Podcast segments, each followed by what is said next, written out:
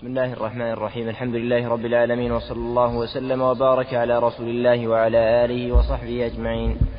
أما بعد قال الإمام مسلم رحمه الله تعالى حدثنا عبد الله بن مسلمة بن قعنب قال حدثنا سليمان يعني يعني بن بلال عن عبد الله بن عبد الرحمن عن عامر بن سعد بن أبي وقاص عن أبيه أن رسول الله صلى الله عليه وآله وسلم قال من أكل سبع تمرات مما بين لابتيها حين يصبح لم يضره سم حتى يمسي. حدثنا أبو بكر بن أبي شيبة قال حدثنا أبو أسامة عن هاشم بن هاشم قال سمعت عامر بن سعد بن أبي وقاص رضي الله قال سمعت عامر بن سعد بن أبي وقاص يقول سمعت سعد رضي الله عنه يقول سمعت رسول الله صلى الله عليه وآله وسلم يقول من تصبح بسبع تمرات عجوة لم يضره ذلك اليوم سم ولا سحر. وحدثناه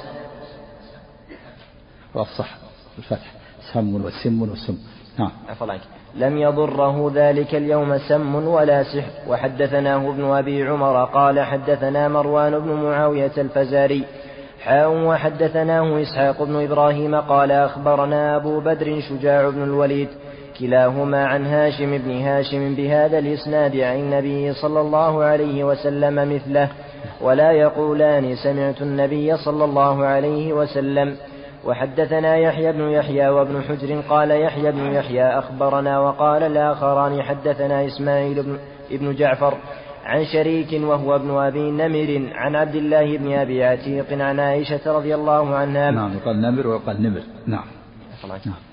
عن أن رسول عن عائشة رضي الله عنها أن رسول الله صلى الله عليه وسلم قال إن في عجوة العالية شفاء وإن أو إنها ترياق أول البكرة. بسم الله الرحمن الرحيم. الحمد لله والصلاة والسلام على رسول الله وعلى آله وصحبه أجمعين. أما بعد فهذا الحديث فيه فضل أكل التمر من تمر المدينة في الصباح على الريق في أول في أول البكور وأنها إذا أكل هذا العدد من التمرات سبع تمرات فإنه بإذن الله لا يصيبه سم ولا سحر. من تصبح بسبع تمرات من بين لابتيها يعني من بين لابتي المدينة وهي الحرة. لم يصبه في ذلك اليوم سم ولو في الآخر من تصبح بتمرات عجوة لم يصم لم يصبه في ذلك اليوم سم ولا سم ولا سحر. تصبح يعني أكل في الصباح على الريق أول ما يأكل. وفيه أنه لا بد من هذا العدد سبع تمرات وهذا العدد فيه سر. الله تعالى خلق السماوات سبع سماوات وخلق سبع أراضين. والطوف بالبيت سبع والسبع بن سبع هذا العدد له شأن. وآية الفاتحة سبع. فمن تصبح بسبع تمرات يعني أكل في أول الصباح. كانت بإذن, بإذن الله وقاية وحماية. في ذلك اليوم فلا يصيبه سم ولا سحر. في الحديث الثاني إن إن في عجوة العالية ترياق ترياق يعني الشفاء والعالية طرف أطراف طرف المدينة. في الحديث الأول أنه من تصبح بسبب ثمرات مما بين لابتيها ولابتي المدينة هما الحرتان. وهما أرض تركبها حجارة سود من جهة الشمال. والجنوب من جهة الشرق والغرب حدود هذا حدود الحرم؟ ما ما بين عير إلى ثور. الشمال والجنوب والشرق والغرب والشرق والغرب الحر الحرتان. يعني من تصبح بتمرات من تمر المدينة عام. والحديث الثاني في تخصيص العجوة. والعجوة نخلة في المدينة خاصة. تصبح بتمرات العجوة. الحديث الأول ما في تخصيص العجوة. يعني في أي في أي تمر من تمر المدينة في أي نخلة سواء عجوة ولا غيرها. فيحتمل أن يقال أن هذا عام في تمر المدينة ويحتمل أن يكون الحديث الحديث الثاني يخصص الحديث الأول. من بين أهل بيتها يعني العجوة خاصة. قال شيخنا سماحة الشيخ العزيز بن باز رحمه الله يرجى آه، أن يكون للتمر تأثير من أي نوع كان. أي تمر يرجى أن يكون فيه فائدة حتى ولو لم يكن من تمر المدينة لكن الحديث في تقييد بأنها من بين لابتيها والحديث الثاني فيه تقييد بالعجوة. وهي نوع خاص أو نخلة خاصة من نخل المدينة. وهي موجودة الآن حبة التمرة سوداء وهي صغيرة. تباع الآن بثمن مرتفع. الكيلو يباع بثمن مرتفع. يصل الكيلو إلى 45 الكيلو بسبب كون الناس علموا هذا الحكم الشرعي فصار الناس يقبلون على العجوة. وإن لم تكن يعني العجوة مروح من جهة لذة الأكل أو غيرها لا إنما يشترونها لأجل الفائدة الحديثية. وإلا فهناك ما أفخر منها مثل السكري وغيرها أحسن منها يعني من ناحية الطعمية لكن هذا النوع جيد من جهة الفائدة. الربانية التي بينها النبي صلى الله عليه وسلم. وفيه أن من أكل صبح بسبع ثمرات من عجة المدينة معتمدا على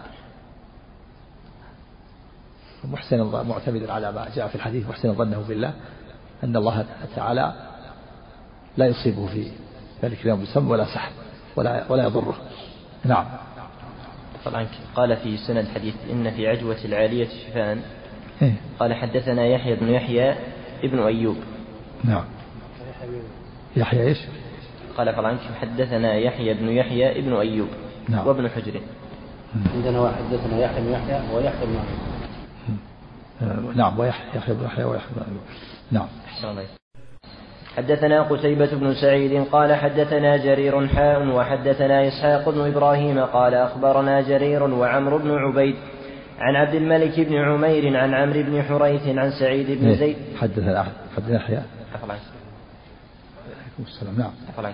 وحدثنا يحيى بن يحيى ويحيى بن أيوب وابن حجر قال يحيى بن يحيى أخبرنا وقال الآخران حدثنا إسماعيل بن جعفر عن شريك وهو ابن أبي نمر عن عبد الله بن أبي عتيق عن عائشة رضي الله عنها أن رسول الله صلى الله عليه وآله وسلم قال إن في عجوة العالية شفاء أو إنها ترياق أول البكرة. حدثنا قتيبة بن سعيد قال شفاء يعني شفاء من كل ترياق يعني شفاء بمعنى الشفاء إن إن في عجوة إن في عجوة المريض إن في عجوة قال صلى الله عليه وسلم إن في عجوة العالية شفاء أو إنها ترياق أول البكرة. نعم وفي تقريبا أول البكرة يعني إذا أكلها في أول بكرة يعني في أول الصباح. وهو بمعنى الحديث السابق من تصبح.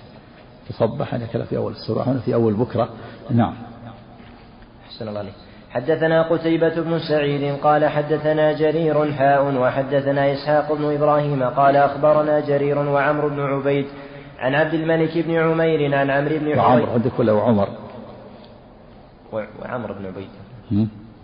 عندي وعمر. إيش عندكم؟ عمر الصواب عمر. ما في عمرو بن عبيد في الكتب الستة إلا عمرو بن عبيد المعتزلي. وعمر بن عبيد المعتزلي ليس له رواية. عمر بن عبيد. بضم العين وهو أخو يعلى ومحمد وإبراهيم ابن عبيد. نعم. أحسن الله عليك. حدثنا قتيبة بن سعيد قال حدثنا جرير حاء وحدثنا إسحاق بن إبراهيم قال أخبرنا جرير وعمر بن عبيد عن عبد عن عبد الملك بن عمير عن عمرو بن حريث عن سعيد بن زيد بن عمرو بن نفيل رضي الله عنه قال سمعت النبي صلى الله عليه وسلم يقول الكمأة من المن وماء الكمأة. الكمأة من المن وماؤها شفاء للعين. وحدثنا محمد بن المثنى قال حدثني محمد بن جعفر قال حدثنا شعبة عن عبد الملك بن عمير قال سمعت عمرو بن حريث قال سمعت سعيد بن زيد رضي الله عنه قال سمعت رسول الله صلى الله عليه وسلم يقول الكمأة من المن وماؤها شفاء للعين. وحدثنا محمد بن المثنى قال حدثني محمد بن جعفر قال حدثنا شعبة قال وأخبرني قال وأخبرني الحكم بن عتيبة عن الحسن العرني عن عمرو بن حريث عن سعيد بن زيد عن النبي صلى الله عليه وسلم. قال شعبة لما حدثني به الحكم لم أنكره من حديث عبد الملك. حدثنا سعيد بن عمرو سعيد بن عمرو الأشعثي. قال أخبرنا عبثر عن مطرف عن الحكم عن الحسن عن عمرو بن حريث عن سعيد بن زيد بن عمرو بن ابن النفيل رضي الله عنه قال قال رسول الله صلى الله عليه وسلم. الكمأة من المن الذي أنزل الله تبارك وتعالى على بني إسرائيل وماؤها شفاء للعين وحدثنا إسحاق بن إبراهيم قال أخبرنا جرير عن مطرف عن الحكم بن عتيبة عن الحسن العرني عن عمرو بن حريث عن سعيد بن زيد عن النبي صلى الله عليه وسلم. قال الكمأة من المن الذي أنزل الله على موسى وماؤها شفاء للعين. وكما هي يسمى الفقع هو ما يسمى بالفقع الآن. باللهجة العامية. هو شيء أبيض استخرج من الأرض. يباع. ثمنه مرتفع يعرفه أهل الاختصاص. اختلف العلماء في معنى قول النبي صلى الله عليه وسلم الكلمة من المن الذي أنزله الله على بني إسرائيل. فقيل المعنى أنه يشبه المن الذي أنزله الله على بني إسرائيل في كون كل منهما يؤخذ بدون كلفة وبدون مشقة. فالكما تؤخذ بدون كلفة وبدون مشقة بدون سقي وبدون بذر بدون بدون بذر بدون سقي بدون شيء. يحفره ويأخذه. كما أن المن الذي أنزله الله على بني إسرائيل ينزل من السماء يأخذونه بدون كلفة. قال آخر من العلم بل, بل إنه من المن الذي أنزله الله على بني إسرائيل حقيقة عملا بظاهر الحديث. وأنه حقيقة من المن فالذي أنزله الله على بني إسرائيل المن يعني بقي شيء يعني من الأصول في الأرض فكان منها الكمأة هي الفقر الفقر. واختلف في معنى قول النبي صلى الله عليه وسلم وماء العين فقيل المعنى يؤخذ الماء مجرد. ماء المعين يؤخذ مجرد ويعالج به العين. وقيل المعنى أنه يجعل مع الدواء يخلط مع دواء وتعالج به العين وقيل إذا كان إذا كان لإزالة الحرارة التي في العين فإنه يستعمل مفردا. وإن كان لغير ذلك فإنه يركب مع غيره. قال النووي رحمه الله قد أدركنا بعض العلماء من استفاد من الحديث وعمل بالحديث إحسانا للظن بالله وكان قد عمي فتعالج فرد الله عليه بصره. بماء الكمأة ماء الفقر نعم. أحسن الله عليك. حدثنا ابن ابي عمر قال حدثنا سفيان عن عبد الملك بن عمير قال سمعت عمرو بن حريث يقول سمعت زيد سمعت سعيد بن زيد رضي الله عنه يقول قال رسول الله صلى الله عليه وسلم.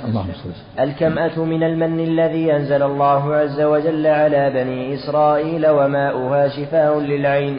وحدثنا يحيى بن حبيب الحارثي قال حدثنا حماد بن زيد قال حدثنا محمد بن شبيب قال سمعته من شهر بن حوشب فسألته فقال سمعته من عبد الملك بن عمير قال فلقيت عبد الملك فحدثني عن عمرو بن حريث عن سعيد بن زيد رضي الله عنه. قال قال رسول الله صلى الله عليه وسلم الله الكمأة من المن وماؤها شفاء للعين؟ حدثني أبو الطاهر قال أخبرنا عبد الله بن وهب عن يونس عن ابن شهاب عن أبي سلمة بن عبد الرحمن. كان المن ينزل على بني إسرائيل على الشجر يشبه العسل حلو. نعم. حدثني أبو الطاهر قال هذا أخبرنا لما لما كانوا في التين. والسلوى طائر المن والسلوى والحجر الذي يحمله موسى يضربه بعصاه فيتفجر. عيون كل هذا من مما آه، أعطاه الله بني إسرائيل من نبيه عليه لما كانوا في التيه في الصحراء التي بين صحراء سيناء التي بين فلسطين ومصر. نعم. الله إليك ماء ال- الكمأة هل يخرج هكذا أم لابد من طفح مثل ما سمعت. نعم. السلام عليكم. في تفصيل. من العلماء من قال إنه يؤخذ مجرد ومن قال ما يركب مع دواء نعم. نعم. في في كلام. فيه؟ الإمام مسلم ما يعتمد عليه. يأتي بروايته من باب المتابعة. نعم. حدثني أبو الطاهر قال أخبرنا عبد الله بن وهب عن يونس عن ابن شهاب عن أبي سلمة بن عبد, الرحمن عن جابر بن عبد الله رضي الله عنهما قال كنا مع النبي صلى الله عليه وسلم بمر الظهران ونحن نجني الكبات فقال النبي صلى الله عليه وسلم عليكم الله. نعم. عليكم بالأسود منه. قال فقلنا يا رسول الله كأنك رعيت الغنم. قال نعم. وهل من نبي إلا وقد رعاها أو نحو هذا من القول؟ نعم الكباث هو ثمر الأراك. ثمر الأراك. الأراك السواك هذا. السواك اللي يؤخذ الشجر له ثمر. ومر الظهران موضع قريب من مكة على مرحلة مرحلتين. لما كانوا في مر الظهران صار الصحابة يجنون ثمر الأراك. ثمر شجر الأراك هو الشجر اللي يأخذ منه السواك له ثمر. فقال النبي صلى الله عليه وسلم عليكم بالأسود منه فإنه أحسن. قال رسول الله كأنك كأنك عشت في البادية كأنك تعرف كأنك تعرف الجيد من غير الجيد قال قال نعم عشت في البادية رعيت الغنم. كنت أرعاها بمكة في اللفظ الآخر كنت أرعاها على قراضيط لأهل مكة. كنا نجد ثمر الأراك. قال عليكم بالأسود منه. فكان فالصحابة عرفوا كان كان عندك خبرة تعرف الجيد من غير الجيد من ثمر الأراك هذا ما يعرفه إلا من عاش في البادية وفي الصحراء. قال نعم كنت أرعى الغنم بمكة لأهل مكة. في اللفظ الآخر كنت أرعاها على قرارة لأهل مكة. قال العلماء إن الحكمة في وفي اللفظ الآخر ما من نبي إلا رعى الغنم. قالوا وأنت يا رسول الله؟ قال نعم كنت أرعاها على قرارة لأهل مكة. عليه الصلاة والسلام. وموسى رعى الغنم واتفق مع الرجل الصالح أن يزوج أحد ابنتيه وأن يرى الغنم ثمان سنين. فإن ثمها عشرة من عنده. قال العلماء الحكمة في رعي الأنبياء الغنم أن أن الأنبياء آه، حينما يرعون الغنم يحصل لهم نوع من التواضع والسكينة الموجودة في الغنم ثم يترقون من سياسة الغنم بالنصيحة والتواضع إلى سياسة الأمم والدول سياسة الناس. فيترقون من سياسة سياسة الغنم والبهائم إلى سياسة الناس وسياسة الأمم والدول. نعم. على كل حال ما أقول ما شك أنت قلت الأجسام الناس يختلفون فيها. حتى الأشخاص يختلفون في بعضهم يناسب هذا الطعام وحد لا يناسب هذا الطعام. نعم. حدثني حدثني عبد الله بن عبد الرحمن الدارمي قال أخبرنا يحيى بن حسان قال حدثنا سليمان بن بلال عن هشام بن عروة عن أبيه عن عائشة رضي الله عنها أن النبي صلى الله عليه وسلم قال نعم الأدم أو الإدم نعم وفي دليل على يعني إباحة ثمر الأراك وأن الأصل في الأشياء الحلوة الإباحة وأن الإنسان إذا سبق إلى مباح في البر فهو أحق به. لأنه لا يملك شجر الأراك منتشر في الصحاري. فمن سبق والثمر هذا طعام وفاكهة. ومن سبق إلى مباح فهو أحق به من غيره. فإذا جناه ثمر الأرك وأخذه حازه صرف فيه له أن يبيعه وله أن كما أنه إذا احتطب الحطب واحتش الحشيش له أن يتصرف فيه ويبيعه. وإذا أخذ الماء من البئر وحازه في دلوه أو في إناءة له أن يبيعه. وكذلك إذا أخذ ثمر الأراك وغيره له أن يبيعه. نعم. ومن سبق إلى مباح فهو حق به من غيره. نعم. هي أن الأشياء في الأصل في الأشياء الحل والإباحة. الثمار والأطعمة وغيرها. نعم. أحسن الله عليك حدثني عبد الله تعالى هو الذي خلق لكم ما في الأرض جميعا. يعني حلها نعم. أحسن الله عليك حدثني عبد الله بن عبد الرحمن الدارمي قال أخبرنا يحيى بن حسان قال حدثنا سليمان بن بلال عن هشام بن عروة عن أبيه عن عائشة رضي الله عنها أن النبي صلى الله عليه وسلم قال نعم الأدم أو الإدام الخل. وحدثناه موسى بن قريش. نعم. ضبط عندك الأدم نعم. نعم الأدم نعم. نعم الأدم نعم. نعم. نعم. قال قال أهل اللغة الإدام بكسر الهمزة كذلك. الإدام لا الأدم الأدم نعم. نعم الأدم والإدام نعم. وحدثناه موسى بن قريش بن نافع التميمي قال حدثنا يحيى بن صالح الوحاضي قال حدثنا سليمان بن بلال, بلال بهذا الإسناد وقال نعم الأدم ولم يشك. حدثنا يحيى بن يحيى قال أخبرنا أبو عوانة عن أبي بشر عن أبي سفيان عن جابر بن عبد الله رضي الله عنهما أن النبي صلى الله عليه وسلم سأل أهله الأدم فقالوا ما عندنا إلا خل فدعا به فجعل يأكل به ويقول نعم الأدم الخل نعم الأدم الخل. ونعمة من من أفعال المدح كما أن بئس من أفعال الذم فيها النبي أثنى على على الخل والخل سائل فيه حموضة. وفيه أن الخل نوع من الإدام. فإذا كان الإنسان عنده خبز يابس ثم غمسه بالخل صار إداما. صار يكفيه من جنس المرق وفيه تواضع النبي صلى الله عليه وسلم و ورضاه بما قسم الله له. وفيها عدم عيب الطعام أن الإنسان لا يتكلف. بعض الناس يتكلف ويشق عليه إذا لم يجد في البيت إلا شيء يتعب أهله وكذا. ينبغي الإنسان أن يأكل ما يتيسر والحمد لله. فالنبي صلى الله عليه وسلم كما تيسر قال ما عندنا إلا خل قال نعم الأدم والخل عليه الصلاة والسلام نعم الأدم والخل وفيها أن ينبغي الإنسان يتحمل ويكون عنده صبر ويأكل ما تيسر ولا ويخشوشن بعض الناس يتكلف لو ينقص شيء من, من الأكلة اليومية من فاكهة ولا لحم ولا كذا صار أقام الدنيا وأقعدها. لا ينبغي الإنسان يتواضع ويخشوشن ويكون عنده رضا وصبر وتحمل وشكر لله عز وجل. نعم. أحسن الله عليك.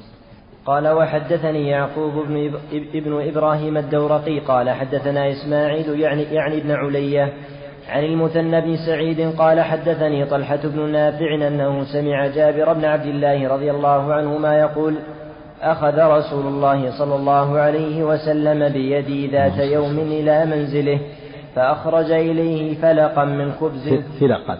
فلقا من خبز فقال يعني كسر كسر الخبز نعم. كسر عليه. فقال ما من أدم؟ فقالوا لا إلا شيء من خل. قال فإن الخل نعم الأدم. قال جابر فما زلت أحب الخل منذ سمعته من النبي صلى الله عليه وسلم. نعم. وقال طلحة ما زلت أحب الخل منذ سمعته من جابر. نعم. يعني أحب ما أحبه النبي صلى الله عليه وسلم. فلما أحب النبي الخل أحبه جابر ثم أحبه طلحة. مثل ما أحب أنس الدباء حيث لما كان النبي رأى النبي صلى الله عليه وسلم يحب الدباء صار يجمعه في عند النبي صلى الله عليه وسلم. وصار قال فما زلت أحب الدباء من يومئذ. وكان أنس بعد ذلك يحرص على أن تكون في طعامه دباء إن استطاع. نعم. وهو القرع. لأن النبي صلى الله عليه وسلم كان يحب.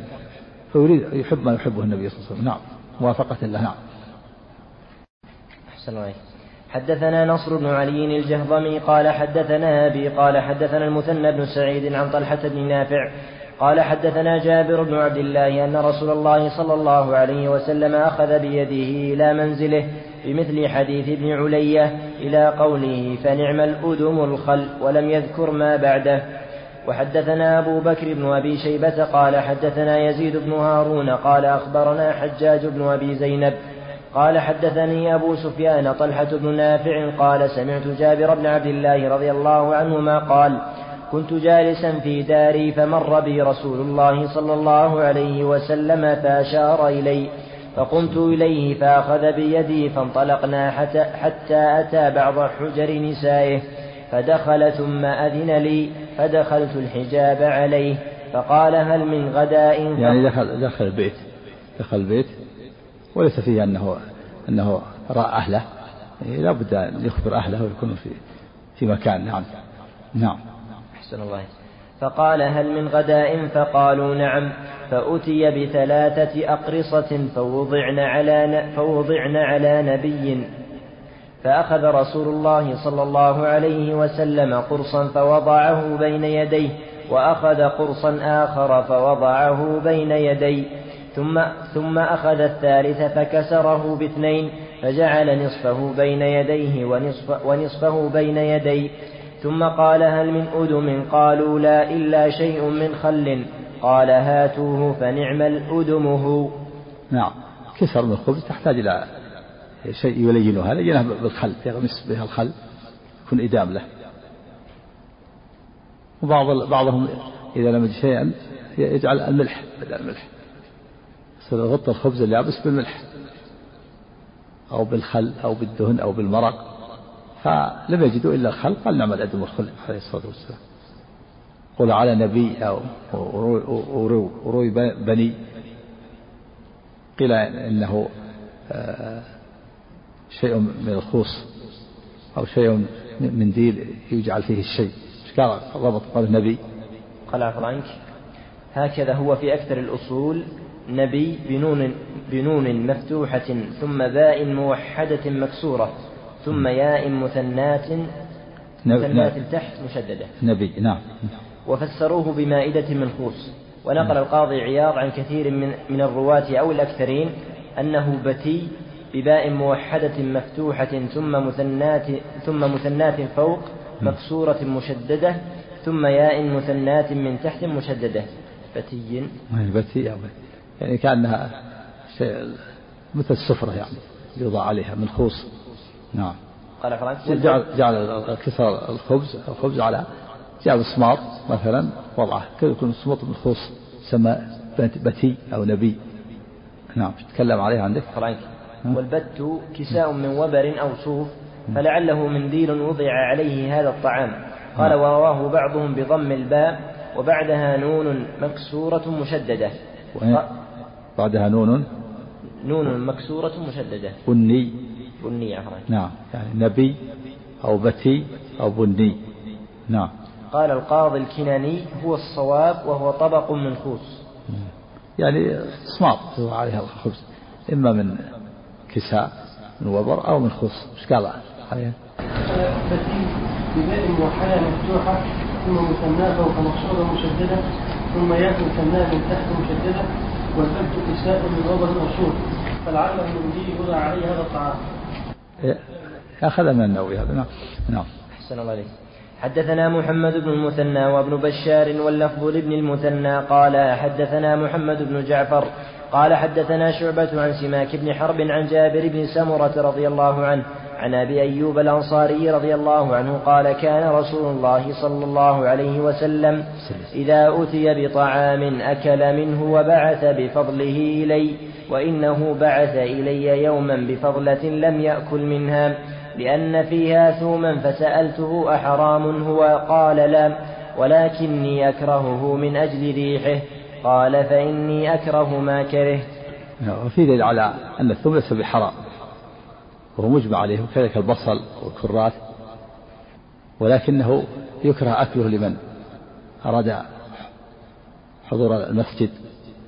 المسجد مكان يصلي الجماعة أو أراد أن يقابل أحد أو يكون آه، هناك اجتماع ومقابلة لبعض الأكابر وغيرهم يكره أن يأكل الثوم وكذلك البصل والكرات لأن لا يؤذي الناس برائحته. وفي على أنه ليس بحرام ولكنه مجمع على حلة. وأما قول النبي صلى الله عليه وسلم الحديث الآخر من أكل من هاتين الشجرتين الخبيثتين فلا يقربن مسجدنا. فالمراد الخبث هنا ليس المراد الخبث التحريم والمراد الكراهة يعني المراد الرائحة من أجل, من أجل الرائحة وإلا فليست حرام الكرات والثوم والبصل والفجل ليس بحرام حلال مجمع على الحل لكن الرائحة هي الكريهة لا ينبغي لمن قابل أحد أن يأكلها. أما إذا كانوا في برية وأكلوا جميعا فلا بأس. أو احتاج حاجة للدواء ولم يتعمد ترك الصلاة يصلي في بيته. يصلي في بيته ولا يصلي مع الجماعة. نعم. أما إذا أكل من أجل ترك الجماعة فهو آثم.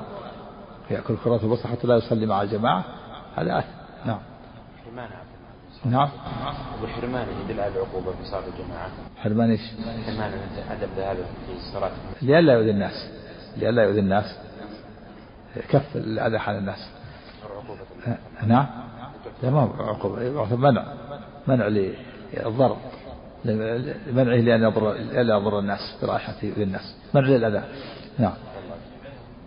نعم. وش يجب عليه؟ ها؟ لا يجوز لها يحضر إذا أكل حتى يزيل الرائحة. ما يجوز لو قال من أكلها فلا يقربن مسجدا. لكن إذا أكل من أجل أن يترك الجماعة أكل. نعم. نعم. نعم لا يقرأ لا يجوز. يأثم ما في شك. يأثم إذا قالوا صار يأثم. نعم. نعم. بلى. هو آثم عليه الإثم إذا كان متعمد عليه إلا إذا استطاع أن يزيل الرائحة. نعم. أحسن الله وحدثنا محمد بن المثنى قال حدثنا يحيى بن سعيد عن شعبة في هذا الإسناد. وحدثني حجاج بن الشاعر وأحمد بن سعيد بن صخر واللفظ منهما قريب. قال حدثنا أبو النعمان قال حدثنا ثابت في رواية حجاج بن يزيد أبو زيد الأحول. قال حدثنا عاصم بن عبد الله بن الحارث عن أفلح مولى أبي أيوب عن, عن أبي أيوب الأنصاري رضي الله عنه أن النبي صلى الله عليه وسلم نزل عليه فنزل النبي صلى الله عليه وسلم في سب كم؟ بسم الله والحمد لله والصلاة والسلام على محمد قال مسلم رحمه الله تعالى وحدثني حجاج بن الشاعر وأحمد بن سعيد بن صخر واللفظ لهم واللفظ لهما قريب. قال حدثنا أبو النعمان قال حدثنا ثابت في رواية حجاج بن يزيد أبو زيد الأحول قال حدثنا عاصم بن عبد الله بن الحارث أن أفلح مولى أبي أيوب عن أبي أيوب رضي الله عنه أن النبي صلى الله عليه وسلم نزل عليه فنزل النبي صلى الله عليه وسلم في السفل وأبو أيوب في العلو قال فأتيت فأتي فانتبه أبو أيوب ليلة فقال نمشي فوق رأس رسول الله صلى الله عليه وسلم. فتنحوا فباتوا في جانب ثم قال ثم قال للنبي صلى الله عليه وسلم فقال النبي صلى الله عليه وسلم السفل السفل أرفق. فقال لا أعلو سقيفة أنت تحتها. فتحول النبي صلى الله عليه وسلم في العلو وأبو أيوب في السفل. فكان يصنع النبي صلى الله عليه وسلم طعاما. فإذا جيء به إليه سأل عن موضع أصابعه فيتتبع موضع أصابعه فصنع له طعاما فيه ثوم فلما رد إليه سأل عن موضع أصابع النبي صلى الله عليه وسلم فقيل له لم يأكل ففزع وصعد إليه فقال أحرام هو؟ فقال النبي صلى الله عليه وسلم لا ولكني أكرهه قال فإني أكره ما تكره أو ما كره. قال وكان النبي صلى الله عليه وسلم يؤتى. يعني يأتيه الوحي. يؤتى يأتيه الوحي فيكره أن آه، يكون كره الرائحة. وفي صريح حديث صريح في أن الثوم ليس بحرام. قال حرام هو؟ قال لا. كما سأل خالد في الضب لما أتي بالضب قال أحرام هو؟ قال لا. ولكنه ليس بأرض قوم فأجد حرام. فالضب حلال بالإجماع. وكذلك الثوم حلال بالإجماع. قال أحرام قال لا ولكني أكره من أجل رائحته يعني. فقال أبو أيوب أنا أكره ما تكره يا رسول الله. قال لأنه يؤتى يعني يأتيه الوحي. وفي فضل أبي أيوب الأنصاري رضي الله عنه. فإن النبي صلى الله عليه وسلم قدم المدينة نزل في بيت أبي أيوب. وكان بيت أيوب مكون من دورين. دور أعلى ودور أسفل. فسكن النبي صلى الله عليه وسلم في أول الأمر في الدور الأسفل. وأبو أيوب في الدور الأعلى. وذلك أن النبي صلى الله عليه وسلم لما قدم المدينة وليس له شيء قال الناقة دعوها فإنها مأمورة. فبركت عند أخوال بني النجار. ثم بعد ذلك بنى النبي صلى الله عليه وسلم مسجده وبيوته. لكن في في أول نزل على أبي أيوب. نزل في الدور الأسفل وأبو أيوب في الدور الأعلى. ثم ثم بعد ذلك فطن أبو أيوب قال كيف أنا؟ أنا أمشي والرسول تحتي أمشي في السطح في الغرف والنبي تحتي. فشق عليه ذلك فتلحى لما انتبه هو وأهله في ناحية. حتى جاء الصباح فنزل فقال يا رسول الله ما يمكن أن أمشي أن أكون في الدور الأعلى وأنت في الدور الأسفل أمشي على سقيفة أنت تحتها. فقال أبو أيوب رضي الله عنه يا رسول الله قال قال النبي صلى الله عليه وسلم هذا أرفق بنا أقرب ولا يحتاج إلى صعود ولا درج. فلم يقبل أبو أيوب قال رسول ما, ما يمكن. فانتقل النبي صلى الله عليه وسلم إلى الدور الأعلى وانتقل أبو أيوب إلى الدور الأسفل. كان أبو أيوب يصنع النبي طعاما يرسل به إليه. فإذا رد النبي عليه آه، الإناء يسأل وين مكان أصابع النبي صلى الله عليه وسلم حتى يأكل منها يريد أن يتبرك بالمكان الذي أكل منه النبي صلى الله عليه وسلم. لما جعل الله في في جسده وملامس جسده من البركة. هذا خاص به صلى الله عليه وسلم. كان الصحابة يتبركون بوضوءه وكانوا إذا توضأ أخذوا من القطرات التي توضأ بها وإذا تنخم تنخم في كف واحد منهم فدلك بها آه، وجهه. تبركون في آنيته. قال بعضهم أن ذكر وغيره إن إنها أن هناك من شرب بول النبي صلى الله عليه وسلم وهناك من شرب دمه لكن هذا يحتاج إلى ثبوت هذا كل هذا ليس لها يعني سند ثابت. والأقرب أن بول النبي مثل مثل مثل غيره. ف فكان أبو أيوب إذا الطعام ولما لم ولما آه، حلق النبي صلى الله عليه وسلم شعره يوم في حجة الوداع أمر أبا أيوب أن يوزع الشعرات على الناس. شعرة شعرة يتبركون بها. ولما نام عند أم سليم وكان بينه وبينها محرمية في القيلولة وعرق سلتت العرق وجعلت في قارورة وجعلت مع طيب الله وقالت إنه لأطيب الطيب عليه الصلاة والسلام. هذا من خصائصه. لا يقاس عليه غيره. الصحابة ما تبركوا بأبي بكر ولا عمر ولأن هذا من وسائل الشرك. كان من خصائصه. كان أبو أيوب إذا أرسل الطعام النبي يصنع الطعام. أبو أيوب سكن النبي صلى الله عليه وسلم في الدور ويطبخ له الطعام ويرسل له الطعام. فإذا رجع رجعت الآنية يسأل وين مكان أصابع النبي؟ وين المكان الذي أكل منه حتى يأكل منه ويتبرك به؟ فأرسل صنع له طعاما مرة فيه ثوب. ثم لما رده قالوا قال أين مكان النبي صلى الله عليه وسلم؟ قالوا ما أكل منه الرسول. ففزع أبو أيوب. قال كيف أرسل طعام ولا يأكله النبي فصعد إليه قال يا رسول الله صنع طعام ولا أكلت؟ قال إن فيه ثوب. وإني لا وإن الثوم له رائحة كريهة ولا آكل. وإني أكره الثوم فقال يا رسول إني أكره ما تكره. قال إني أوتى يعني يأتي عليه الوحي. نعم. إذا إذا زالت الرائحة طبخ مثل البصل. البصل إذا زالت الرائحة لكن هل الثوم ما الثوم ما تزول الرائحة بالطبخ قد يقال تخف لكن البصل والكرات يزول. الكرات البصل يزول بالطبخ ولهذا جاء في الحديث من أكل من هاتين الشجرة فليمثهما طبخا لكن الثوم ما يزول. معروف الآن. يجعلونها الناس في الفول وفي غيره لا زال رائحة كريهة قوية جدا. نعم. حتى أن بعض الناس ما يستطيع إذا صلى. بعض الناس قال لي أخوان بعض الناس صلى بجواره من أكل ثم فقطع صلاته ما استطاع. قطع الصلاة. لأن الرائحة قوية ولا ما ينبغي الإنسان يأكل الثوم للناس أو البصل إلا إذا عالج. عالجه وأزال الرائحة. بعض الناس ما يتحمل ما يستطيع. الرائحة قوية شديدة الثوم ثم يزول بالطبخ الرائحة تبقى. لكن البصل يزول البصل إذا طبخ تزال الرائحة نعم. نعم كل يلحق بكل ما له رائحة. مثل الدخان. كذلك. لا يجوز الإنسان يدخل وله رائحة دخان يعالج نفسه؟ أو كذلك إذا كان رائحة أسنان في إبطيه أو في غيره لابد يزيل الرائحة حتى لا يؤذي الناس. نعم.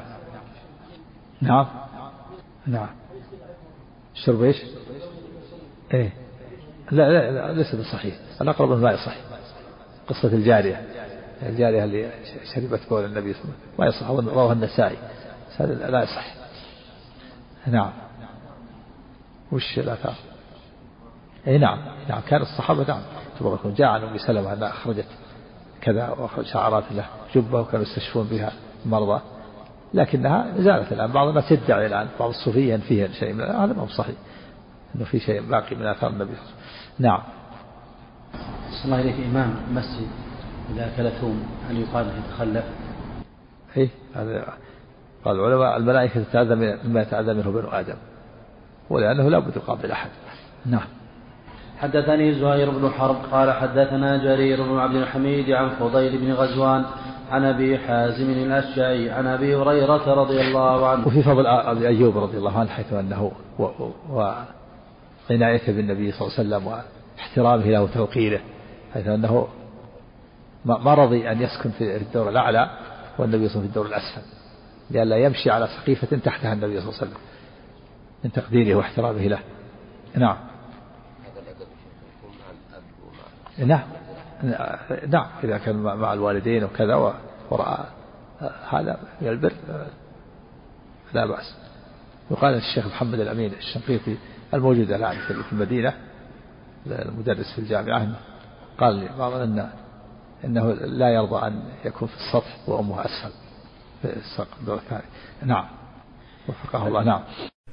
حدثني زهير بن حرب قال حدثنا جرير بن عبد الحميد عن فضيل بن غزوان عن أبي حازم الأشجعي عن أبي هريرة رضي الله عنه قال جاء رجل إلى رسول الله صلى الله عليه وسلم فقال فقال إني مجهود فأرسل إلى بعض نسائه فقالت والذي بعثك بالحق ما عندي إلا ماء.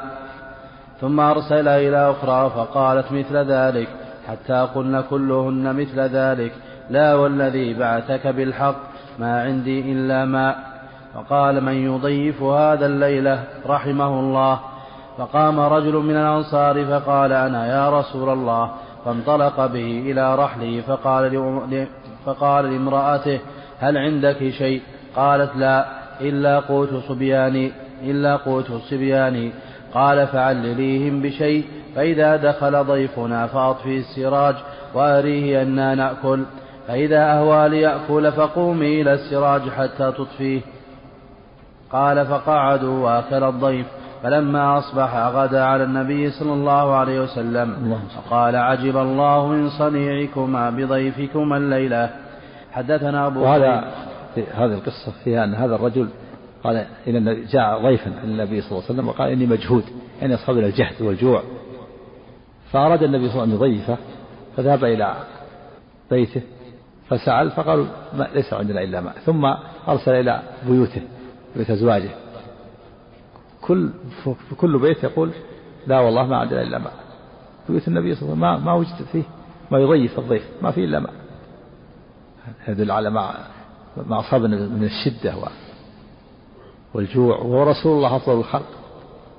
ولكن الله تعالى يبتلي ليعظم له الأجر. ليصبر ويعظم له الأجر وليكون قدوة للناس. وليكون صابرا. على على الشدة والبأس والضراء شاكر عند النعمة. وهذه أفضل الحالات. أحيانا يأتيه طعام فيكون شاكرا وأحيانا لا يجد فيكون صابرا. وهذه حالة أحسن حالة الإنسان أن يكون صابرا عند الشدة وعند الضراء وعند البأس وعند الجوع ويكون شاكرا عند النعمة وعند الرخاء ويكون تائبا نادما عند الذنب. هذه علامة السعادة أن يكون صابرا عند المصائب والبلاء. ويكون شاكرا عند النعمة والرخاء ويكون تائبا نادما عند حصول الذنب. فلما لم يجد النبي صلى الله عليه وسلم لم يجد في بيوته شيئا قال من يضيف هذا هذا الليلة؟ يرحمه الله. من يضيف هذا؟ فيه على الإنسان ينبغي أن يبدأ بنفسه أولا فإن لم يجد استعان بغيره. فقال رجل أنا يا رسول الله أضيفه فذهب به إلى رحله إلى منزله فقال لامرأة هل عندك شيء؟ قالت لا إلا قوت الصبيان. ما عاد إلا قوت الأطفال. حتى حتى أيضا هذا الأنصاري فقال علليهم بشيء. فجعلت تعللهم كأنهم نومتهم وطعام. فلما قدم الطعام قال أري مثلا أن نأكل. فإذا بدأ قدم الطعام فأطفي المصباح مصباح كان مصابيح الناس كانت تكون على على على الدهن أو على الزيت يكون فتيلة من خرقة طرفها دهن أو زيت ثم بعد ذلك لما جاء الغاز وتشعل طرفها بالنار تطفى بالفم ينفخها ويطفئها أو يحركها بيده تطفى وهو مثل الكهرباء الآن. وكان هذا قبل الحجاب والله الظاهر أن هذا قبل الحجاب. فصار الجو مظلم كأن رأت ذهبت تصلح كأنها تصلح فأطفأت. فصار الضيف يأكل ورفع أيديهما. حتى شبع الضيف وبات طاوعين فلما جاء في الصباح قال النبي صلى الله عليه وسلم لقد عجب الله من ضيفكم من صنيعكم وبضيفكم البارحة. وفي رواية أخرى أن الله أنزل فيهم قول الله تعالى ويؤثرون على أنفسهم ولو كان بهم خصاصة. يعني يفضلون غيرهم عليهم ولو كان بهم مجاعة في إثبات العجب لله. قد قد عجب الله من صنيعكم وضيفكم البارحة. إثبات العجب لله كما يقول جل كسائر الصفات. لا يمثل أحدا في صفات سبحانه في العجب والضحك والاستواء والعلو والرضا والسخط والعلم والقدرة والسمع قاعدة عند أهل العلم أن الله تعالى تثبت له الصفات التي أثبتها لنفسه وتثبتها له رسوله من غير تكييف ولا تمثيل. ومما يدل على العجب أيضا قول الله تعالى في سورة الصفات في إحدى القراءات بل عجبت ويسخرون قراءة حفص بل عجبت خطاب للنبي صلى الله عليه وسلم. في قراءة أخرى بل عجبت ويسخرون صفة العجب بالله ومنه الحديث قد عجب يعجب الله من الشاب ليست له صبوة. وأما قول النووي إن العجب هو الرضا. أو قول إن هذا عجب الملك هذا تأويل لا وجه له على طريقة أهل البدع. العجب غير الرضا الرضا وصف آخر. أظن في, أظن مر الحديث هذا وفي قصة أخرى في غير الصحيح أن قال لقد لقد ضحك الله من صيعكم ضيفكم البارحة. بدل عجب لا قد عجب لقد ضحك. يكون في إثبات الضحك لله. نعم. حدثنا أبو كريم محمد بن علاء. قال حدثنا وكيع عن فضيل بن غزوان عن أبي حازم عن أبي هريرة رضي الله عنه أن رجلا من الأنصار بات به ضيف فلم يكن عنده إلا قوته وقوت صبيانه فقال لامرأته نومي الصبية وأطفئي السراج وقربي الضيف ما عندك؟ وقربي للضيف ما عندك؟ قالت فنزلت هذه الآية ويؤثرون على أنفسهم ولو كان بهم خصاصة. ولو كان بهم مجاعة يعني يقدمون غيرهم عليهم رضي الله عنه الأنصار. نعم. وحدثنا أبو كريب قال حدثنا ابن فضيل عن أبي عن أبي حازم عن أبي هريرة رضي الله عنه قال جاء رجل إلى رسول الله صلى الله عليه وسلم أن يضيفه فلم يكن عنده ما يضيفه فقال ألا رجل يضيف هذا رحمه الله فقام رجل من الأنصار يقال له أبو طلحة فانطلق به إلى رحله وساق الحديث بنحو حديث جرير وذكر فيه نزول الآية كما ذكره وكيع. حدثنا أبو بكر بن أبي شيبة قال حدثنا شبابة بن ثوار قال حدثنا سليمان بن مغيرة عن ثابت عن عبد الرحمن عن عبد الرحمن بن أبي ليلى عن المقداد قال أقبلت أنا وصاحبان لي وقد ذابت أسماعنا وأبصارنا من الجهل. فجعلنا نعرف يعني جاءوا ثلاثة ذهبت أسماعهم وأبصارهم من الجهل من الجوع. صار لهم جوع وشدة. حتى ذهبت أسماعهم وأبصارهم صار ما يرى من شدة الجوع ولا يسمع. يكون سمعه ثقيل جدا ورؤيته ضعيفة بسبب الجوع والجهد والمشقة اللي أصابه نعم. مقدام و... واثنان صاحبان له نعم. فجعلنا نعرض أنفسنا على أصحاب رسول الله صلى الله عليه وسلم فليس أحد منهم يقبلنا. يعرضون يعني يقول من يقيتنا؟ يستضيفونهم؟ ما أحد يقبلهم لأن ما عندهم شيء. محمول عليهم ما ليس عندهم شيء. يعرضون أنفسهم على الصحابة. يقول ننزل عندكم الليلة فيقول ما عندنا شيء نضيفك. ما, ما عندنا شيء. نعم ما عندنا شيء. هذا يدل على ما أصاب الصحابة من الشدة وضيق ذات اليد. ثم بعد ذلك توسع الله عليهم لكن ما ضرهم هذا. نشروا دين الله ودعوا إلى الله و... فأفلحوا نعم. فجعلنا نعرض أنفسنا على أصحاب رسول الله صلى الله عليه وسلم فليس أحد منهم يقبلنا. فأتينا النبي صلى الله عليه وسلم فانطلق بنا إلى أهله. فإذا تل فإذا فإذا يعني قبلهم ما وجدوا أحد فقبلهم النبي صلى الله عليه وسلم. واستضعفهم. صاروا ضيوف عند النبي صلى الله عليه وسلم. عرضوا أنفسهم على الصحابة على عدد من الصحابة فلم يكن عندهم شيء. فأضافهم النبي صلى الله عليه وسلم. فصاروا ضيوفا عند هؤلاء الثلاثة. نعم. فانطلق بنا إلى أهله فإذا ثلاثة أعنز. فقال للنبي ثلاثة أعنز جمع عنز نعم. والعنز معروفة الأنثى من من المعز نعم. فقال النبي صلى الله عليه وسلم احتلبوا هذا اللبن بيننا احتلبوا هذا اللبن بيننا. قال فكنا نحتلب فيشرب كل إنسان منا نصيبه ونرفع للنبي صلى الله عليه وسلم نصيبه. قال فيجيء من الليل فيسلم تسليما لا يوقظ نائما ويسمع اليقظان. قال ثم يأتي المسجد فيصلي ثم يأتي شرابه فيشرب. فأتاني الشيطان. هذا في النبي صلى الله عليه وسلم أعطاه هذه الاعنز فيحتلبون ويشربون. يحتلب هؤلاء الثلاثة ويرفعون للنبي صلى الله عليه وسلم قسمة.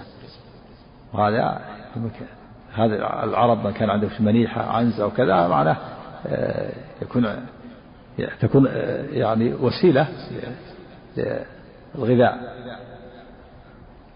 فكانوا هؤلاء الثلاثة يحلبون العنز ويشرب كل واحد نصيبه ويقسمونه أربعة أقسام ويرفعون للنبي نصيبه. فإذا جاء النبي صلى الله عليه وسلم وهم نائمون يسلم تسليما يسمع اليقظان ولا يوقظ النائم وهذا هو الذي ينبغي الإنسان إذا مر إذا جاء في مكان فيه نيام وفيه حضور يسلم. يسلم على الحضور لكن تسليم لا يرفع الصوت بحيث يؤذي النائمين ولا يخفض الصوت بحيث لا يسمعه اليقظان فاليقظان يسمع والنائم لا لا يستيقظ. بعض الناس يرفع صوته السلام عليكم. وهم نائمون. ثم يوقظ النيام ويؤذيهم لا يكون تسليم يسمع اليقظان ولا ولا يوقظ النائم. فكان النبي صلى الله عليه وسلم إذا جاء وسلم وصلى في المسجد وسلم شرب نصيبه. مكثوا على هذه الحال كأنها مدة. يحلبون العرز ويشربون نصيبه ويرفع النبي صلى الله عليه وسلم نصيبه. ثم بعد ذلك ذكر المقدام القصة هذا ما الذي حصل له أنه جاء وشرب نصيب النبي صلى الله عليه وسلم. نعم. نعم. ف... ثم قال ثم يأتي المسجد فيصلي ثم يأتي شرابه فيشرب. فأتاني الشيطان ذات ليلة وقد شربت نصيبي. وقال محمد يأتي الأنصار فيتحفونه. ويصيب عندهم ما ويصيب عندهم ما به حاجة ما به حاجة إلى هذه الجرعة. يعني يقول إن جاء الشيطان قال له محمد يعني الرسول عليه الصلاة والسلام يأتي الأنصار يعطونه. يأتي الأنصار ويتحفونه يعطونه ما يكفي. ما بحاجة إلى إلى الشرب اشربها أنت. نصيب النبي صلى الله عليه وسلم. يعني يخاطب نفسه.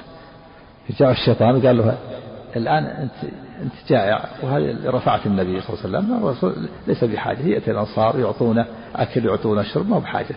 اشربها أنت. وقال محمد يعني الرسول عليه الصلاة والسلام. نعم. نعم. فقال محمد محمد يأتي الأنصار فيتحفونه ويصيب عندهم. ما به حاجة إلى هذه الجرعة. فأتيتها فشربتها. فلما أن وغل وغلت في بطني وعلمت أنه ليس إليها سبيل. قال ندمني الشيطان. يعني لما شربها وغلت في بطنه دخلت في بطنه ولا يستطيع إخراجها جاء الشيطان مرة ثانية وندمه. قال أنت الآن شربت نصيب النبي. يدعو عليك دعاء تهلك تضيع دنياك وآخرتك. وصار الشيطان يندمه في الأول الشيطان يعني جرأه على شربها وسهل فلما شربها ندمه. وقال ما لي حيلة ما أستطيع. نعم. قال ندمني الشيطان فقال الشيطان فقال ويحك ما صنعت أشربت شراب محمد فيجيء فلا يجده فيدعو عليك فتهلك فتذهب دنياك وآخرتك وعلي شملة إذا وضعتها على قدمي خرج رأسي وإذا وضعتها على رأسي خرج قدماي. يعني قماش قماش قصير ما ما ما, ما يلف بها جسده. إن وضع على رأسه خرجت رجله وإن وضع على رجله خرج رأسه. نعم. وجعل لا يجيئني النوم وأما صاحبي وأما صاحباي فناما. يعني ما نام هو لأنه شرب نصيب النبي. وأما صاحبه نام مرتاحين. صاحباه نام بارتياح ما ما فعلوا شيء. أما هو ندم الشيء صار ما ينام. سهل كل الليل ما ما يدري ماذا يحصل له. نعم.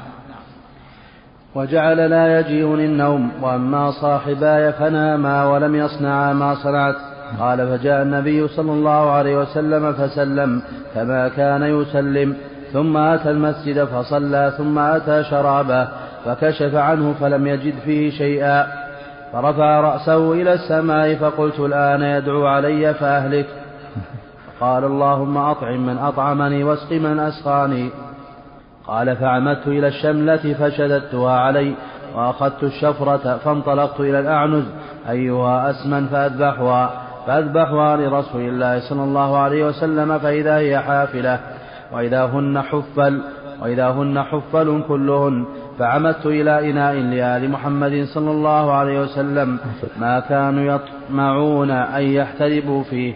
قال فحلبت فيه حتى علته رغوة فجئت إلى رسول الله صلى الله عليه وسلم فقال أشربتم شرابكم الليلة؟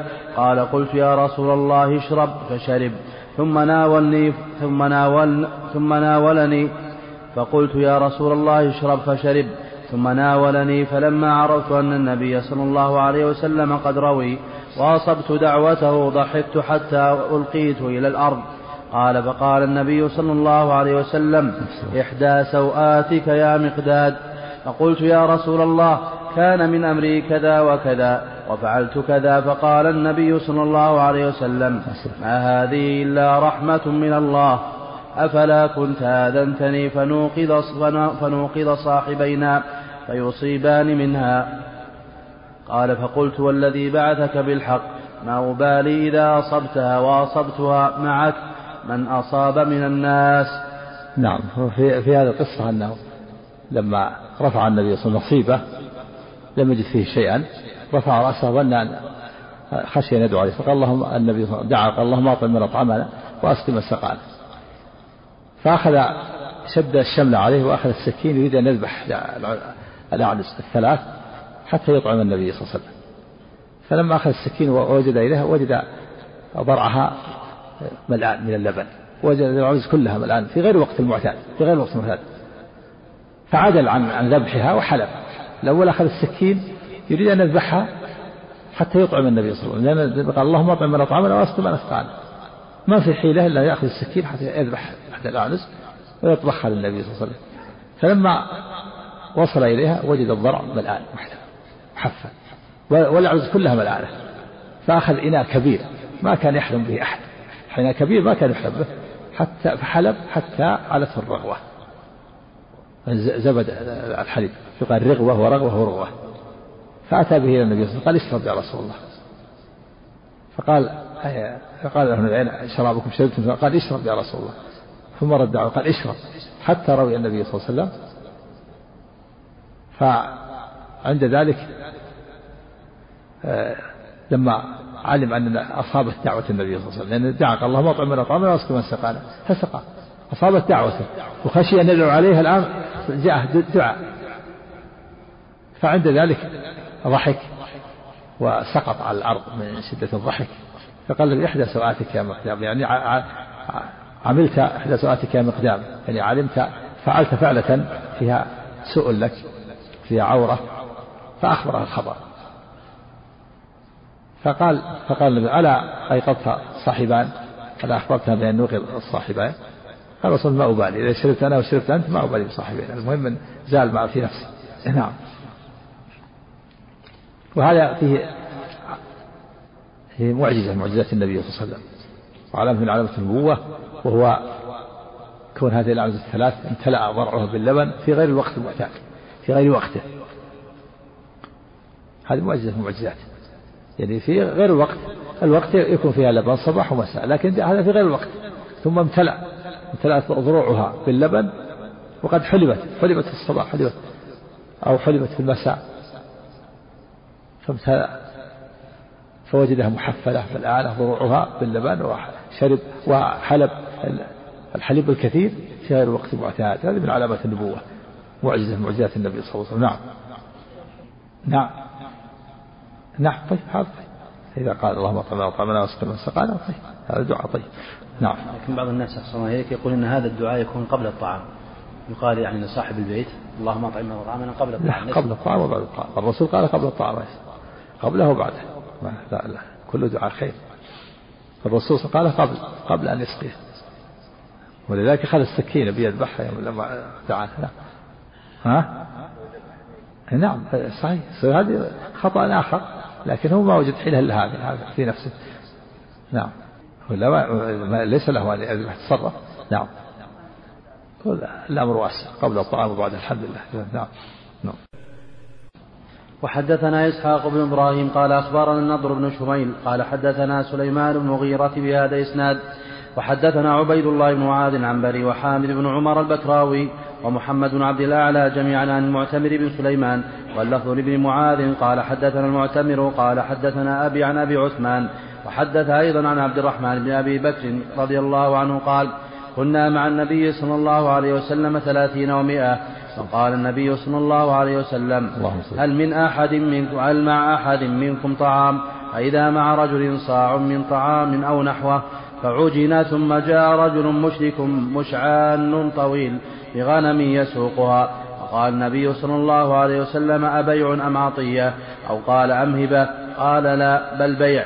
فاشترى منه شاة فصنعت وأمر رسول الله صلى الله عليه وسلم بسواد البطن أن يشوى. قال ويم الله ما من ما من الثلاثين ومائة إلا حز له رسول الله صلى الله عليه وسلم حزة. حزة. قطع له قطع يعني. نعم. إلا حز له رسول الله صلى الله عليه وسلم حزة حزة من سواد بطنها. إن كان شاهدا أعطاه وإن كان غائبا خبأ له. قال وجعل قصعتين فأكلنا منهما أجمعون وشبعنا وفضل في القصعتين فحملته فحملته على البعير. قال فجعلها قصعتين. قال فأكلنا منها منهما أجمعون وجعل قصعتين. فأكلنا منهما أجمعون وشبعنا وفضل في القصعتين فحملت فحملته على البعير أو كما قال. نعم وهذا علامة النبوة أيضا من دلائل النبوة عليه السلام في هذه القصة أنهم أن العدد ثلاثين ومئة مئة وثلاثين وأنه أخذ صاع من شعير. عندك يقول صاع؟ نعم. ها؟ صاعا؟ رجل مع, مع فإذا مع رجل صاع من طعام. نعم صاع من طعام.